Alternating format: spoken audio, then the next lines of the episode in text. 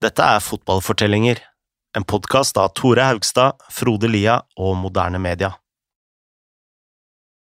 Roy Keane er en av de mest komplekse spillerne engelsk fotball har sett. Han var den inspirerende kapteinen som ledet Manchester United gjennom en gullalder. Men han var også den aggressive iren som stadig sloss, både på byen og i garderoben. Han skadet Alf Inge Haaland med en takling i knehøyde, og selv Alex Ferguson var skremt da Keane virkelig ble sint. Også da Keane ble trener, kunne han eksplodere når som helst. De neste fire episodene skal vi følge karrieren til Keane, for å finne ut hva som rører seg i hodet på en av fotballens mest kontroversielle karakterer.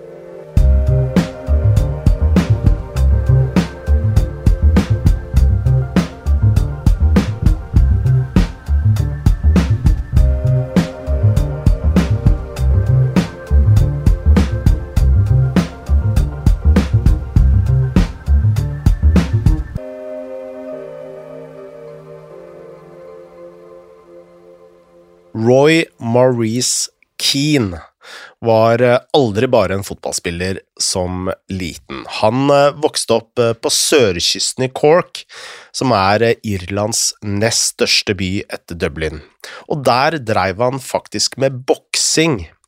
Lille Roy tok på seg boksehanskene når han var ni år, men siden boksing var ulovlig i Irland før man var tolv, brukte han tre år kun på å trene. Da treneren hans kom med et ultimatum, velg enten boksing eller fotball, valgte han eh, fotball. Men han rakk å få med seg fire offisielle boksekamper, og det er vel ingen overraskelse for noen at han vant alle sammen.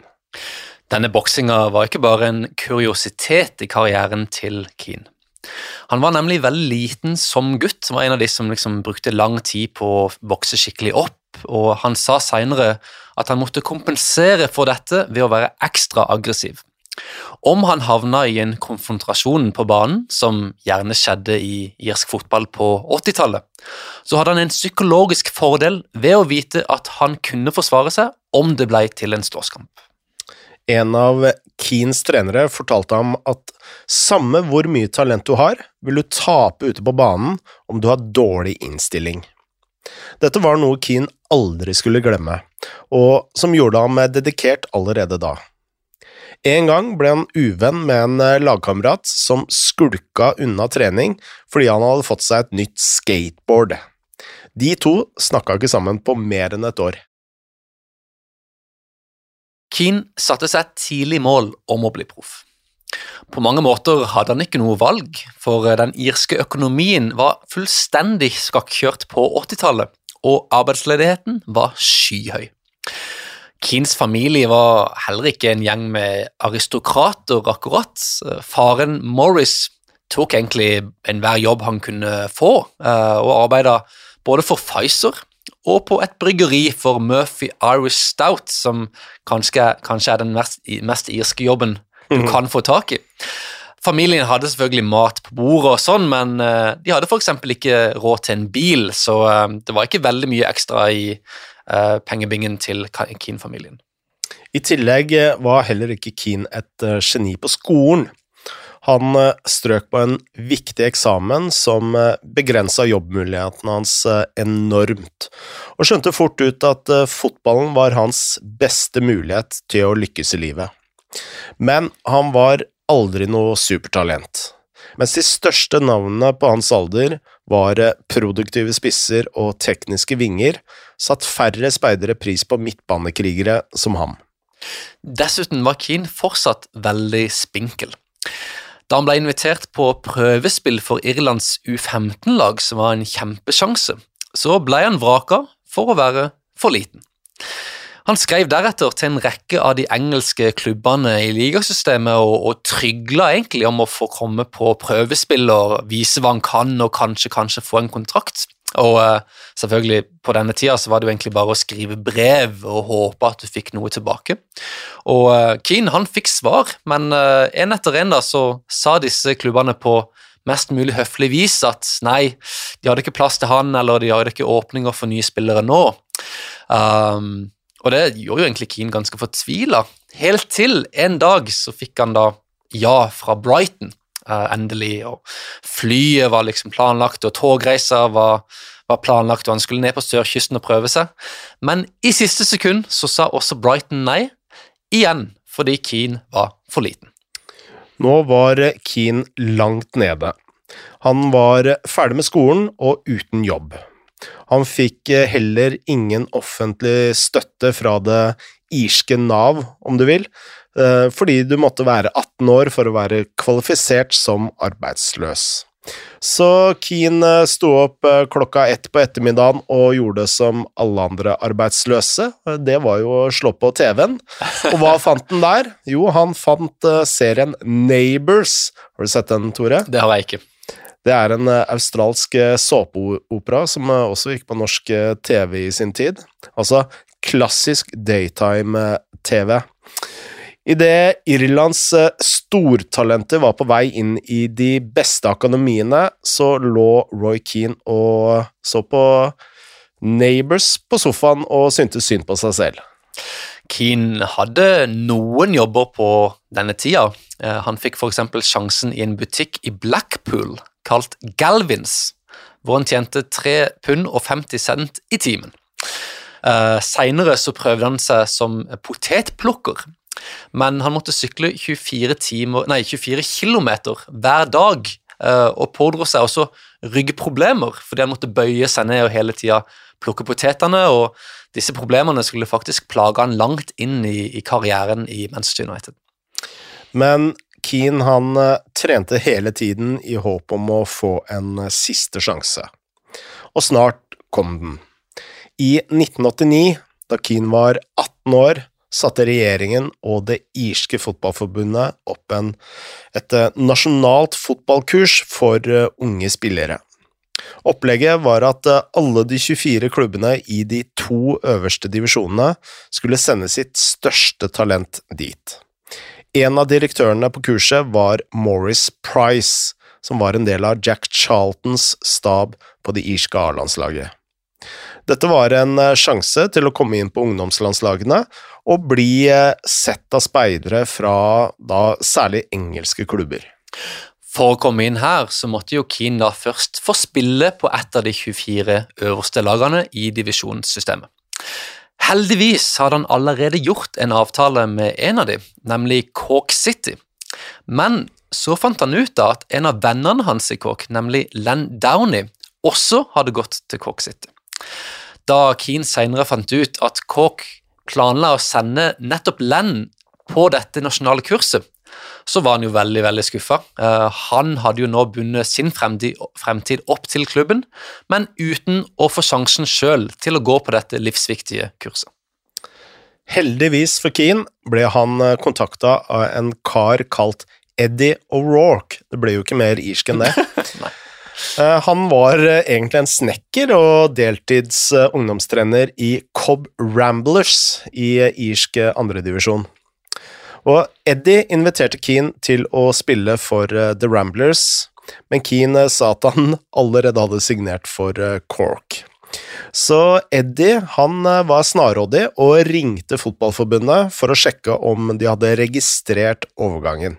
Dette var før såkalt fiks så her var det mer analogt. Mm.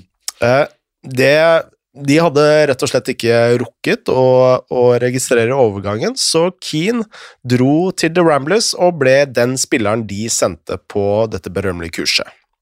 Plutselig var han inne blant de 24 største talentene i Irland.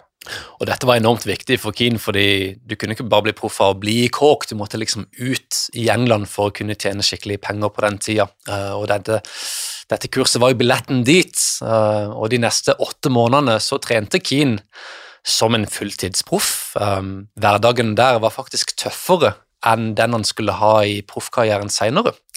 De trente fire timer om dagen uten fridager og fikk 30 pund i uka. I tillegg så måtte jo spillerne spille kamper for sine respektive klubblag i helga, eh, så det var en enorm påkjenning å, å, å gjøre dette kurset. I denne perioden tok Keane store steg på fotballbanen.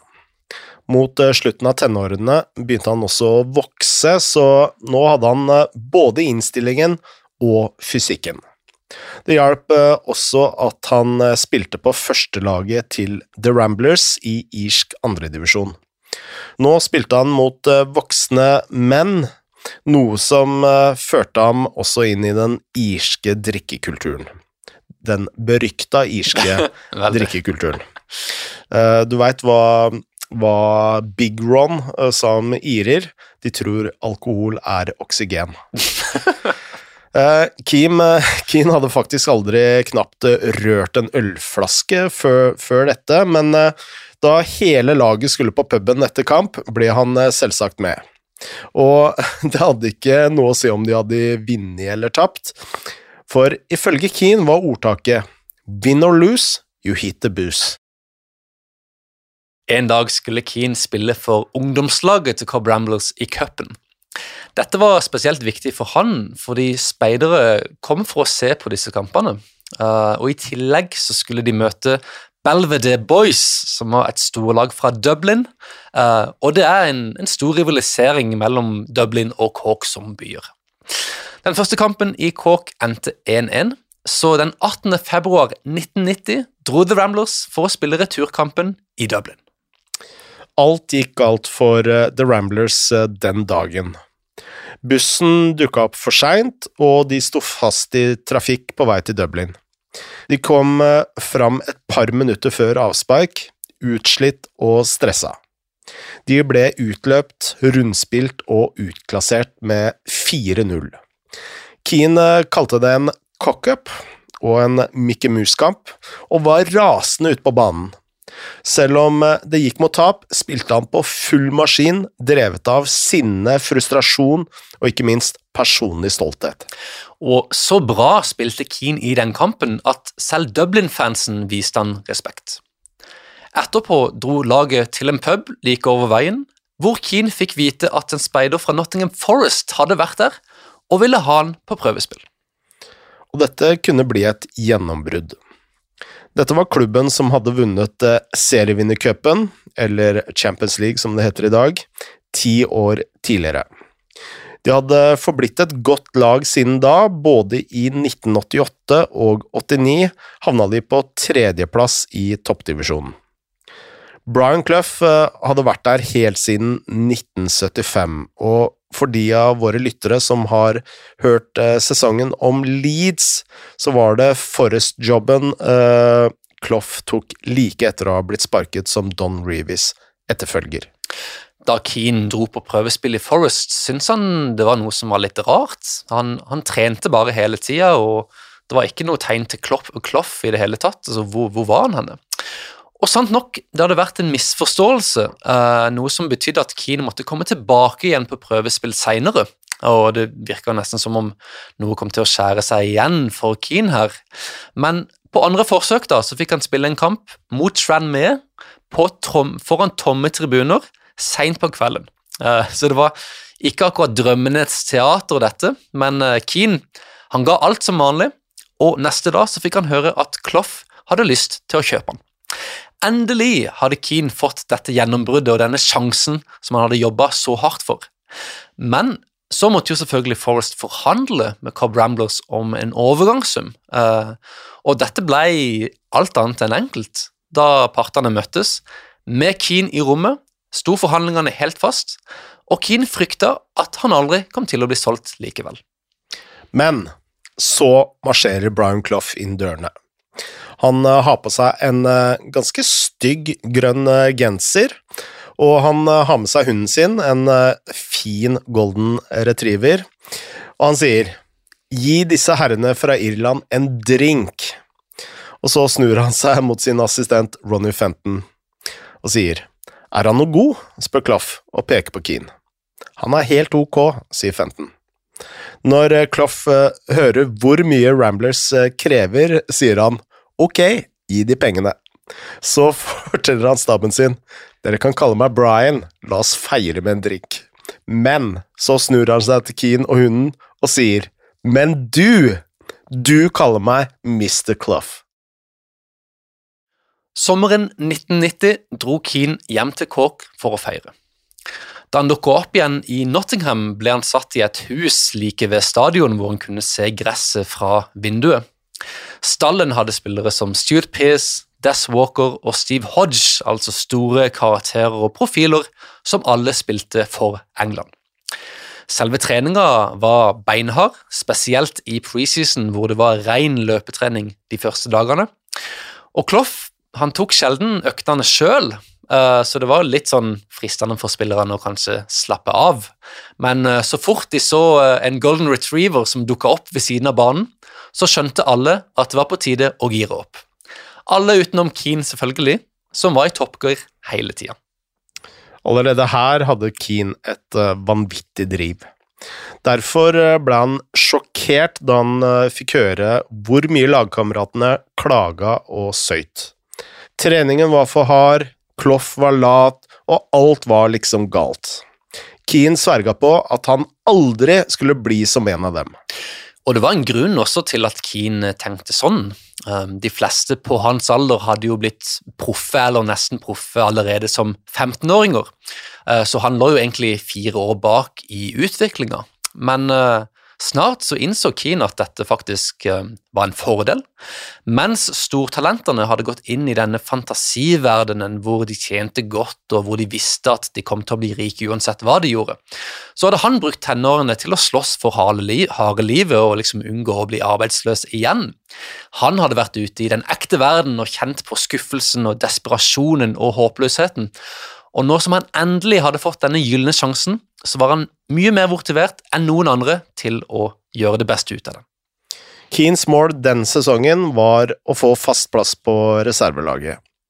En mandag tidlig i sesongen spilte han for reservene, og var skuffa over at han kun kom innpå de siste ti minuttene.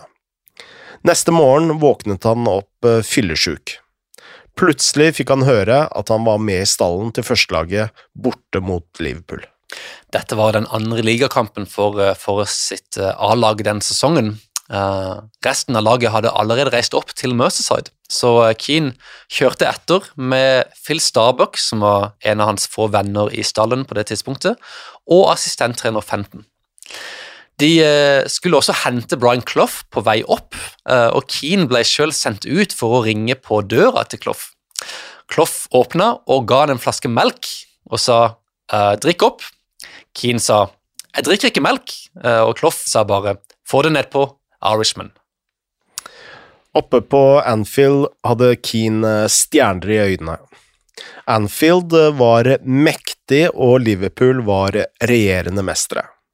Han trodde aldri han skulle få spille den kampen, så 45 minutter før avspark begynner han å hjelpe materialforvalteren med å legge ut draktene. Irishman, hva er det du driver på med? spør eh, materialforvalteren.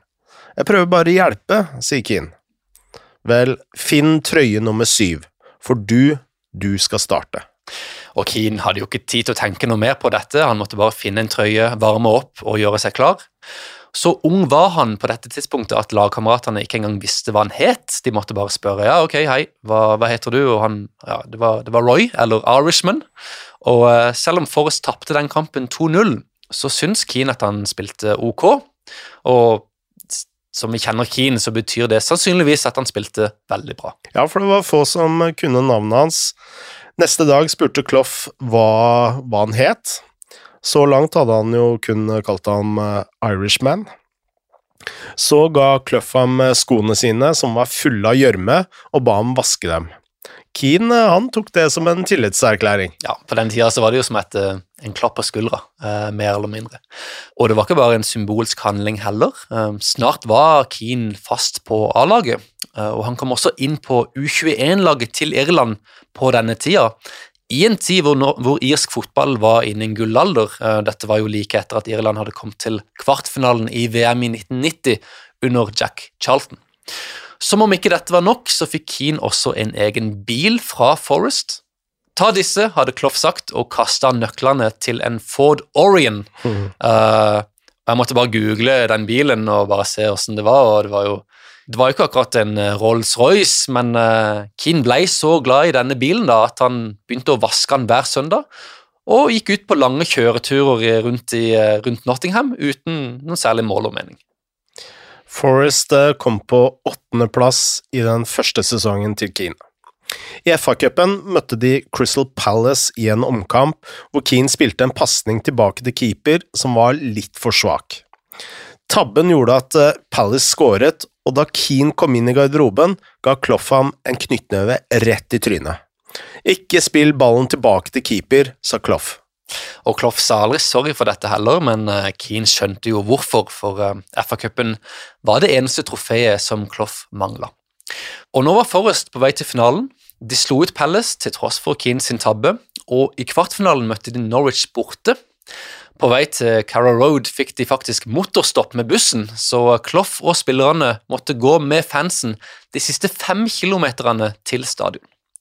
Men der skåret Keane vinnermålet, eh, og han fant igjen nettet da de slo ut Westham i semifinalen. Men i finalen så ble det tap mot Tottenham, noe som betydde at Keane måtte vente enda litt lenger på sitt første trofé på A-lagsnivå. Sommeren 1991 dro Keane tilbake til Irland som eh, vanlig. Selv om han eh, lot høre fra seg på banen, var han sjenert utenfor. Han satte familien og barndomsvennene veldig høyt, og var fast bestemt på å leve et normalt liv, selv om han nå var blitt en ganske kjent spiller. Dette betydde grøftefylla i Cork i seks uker før han dro tilbake til Forest. Keane begynte gjerne kvelden på en pub, før de endte opp på en nattklubb, og så stilte de seg i kø for en fish and chip eller en kebab, som var kins favoritt. Men folk kom jo stadig bort til han da og kjente han igjen, og de kom gjerne med kommentarer, og noen var positive, men et par av de var også negative, og han fikk spesielt dette spørsmålet. Hei, hvem tror du egentlig at du er? Tror du liksom at du er en svær kjendis og så her? Og Keane lot seg irritere lett, da, og han var liksom Selv her da, så var han liksom aldri en fyr som telte, telte til ti før han lot sinnet koke over. En kveld i Cork var eh, han og vennene på et sted som het Sidetracks Disco. Det var Keens tur til å kjøpe en eh, runde, i dette tilfellet en eh, double Bacardi med cola. Det hørtes helt forferdelig ut. Ja. Da han var på vei tilbake fra baren, kom en random fyr bort og slo ham rett i trynet.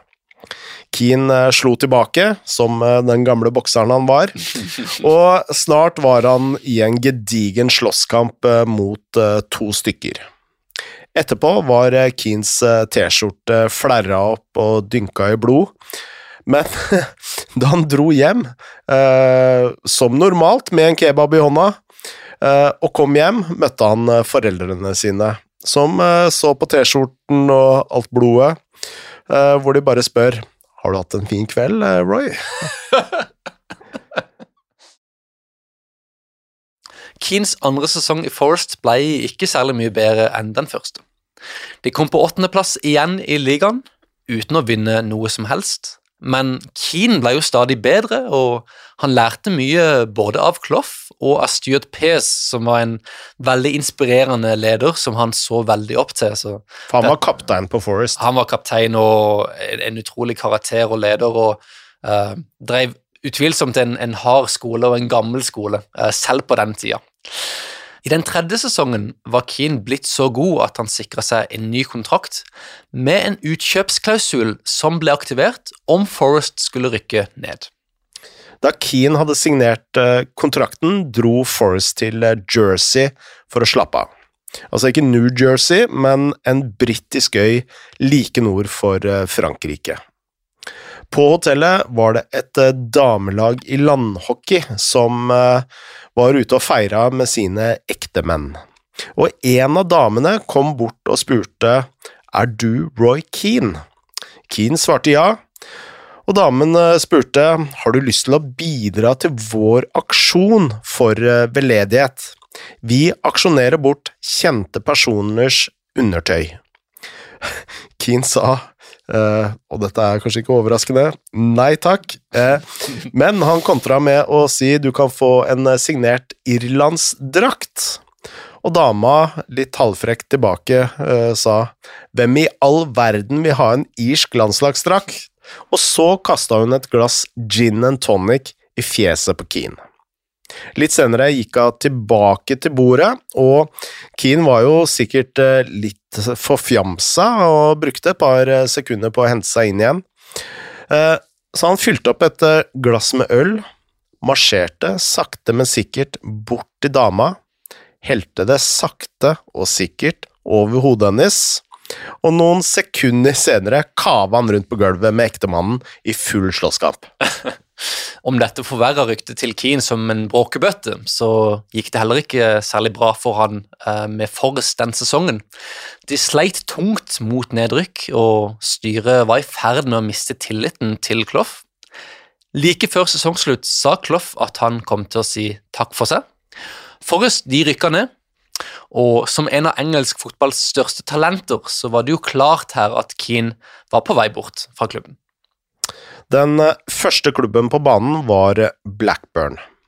De hadde blitt eh, tatt over av Jack Walker, den lokale stålbaronen som hadde pumpa penger inn i klubben for å vinne tittelen. Treneren var Kenny Daglish, som ble enig med Keane om en kontrakt, og de tok hverandre i hånda men da Daglish eh, skulle ringe kontoret på Ewood Park for å fikse papirene, hadde alle gått hjem for eh, helgen. Daglish eh, sa til Keane at de kunne bare skrive under på kontrakten førstkommende mandag. Dette var altså på en fredag, så på lørdag så feira jo Keane i kåk som vanlig, og på søndag, ikke for første eller siste gang, så våkna han opp forferdelig, forferdelig fyllesyk. Innen dette hadde overgangen nådd den nasjonale pressen, eh, og seinere på søndagen så fikk de en telefon hjemme i Keens familiehus. Det var ingen ringere enn Alex Ferguson, som hadde lest om Keens avtale med Blackburn i avisa. Denne telefonen var store nyheter i hjemmet, for eh, hele Keens familie heia på Manchester United. Ferguson eh, spurte om eh, Keane hadde undertegna kontrakten, og Keane eh, svarte som sant var, nei, det hadde han ikke gjort, men han hadde gitt Daglish sitt ord. Så sa Ferguson, sludder, du har ikke skrevet under på noe ting. Og så inviterte han Keane hjem til seg i Manchester. Og nå hadde Keane virkelig stjerner i øynene. United hadde nettopp vunnet sin første ligatittel under Ferguson, og klubbens første på 26 år. De hadde prestisjen, de hadde stadion og ikke minst historikken med The Busby Babes og Bobby Charlton og George Best, så Keane han satte seg rett på fly til Manchester og dro hjem til Ferguson. De to spilte først litt snooker, som Keane lot Ferguson vinne. Så sa Ferguson at United kom til å dominere engelsk fotball med eller uten Keane. Men, sa Ferguson, om du kommer hit, så vinner vi Champions League. Og det var nok til å overbevise Keane. Snart var han engelsk fotballs dyreste spiller, og medlem av en United-stall som både jobbet og drakk hardt. Det skulle passe Keane perfekt.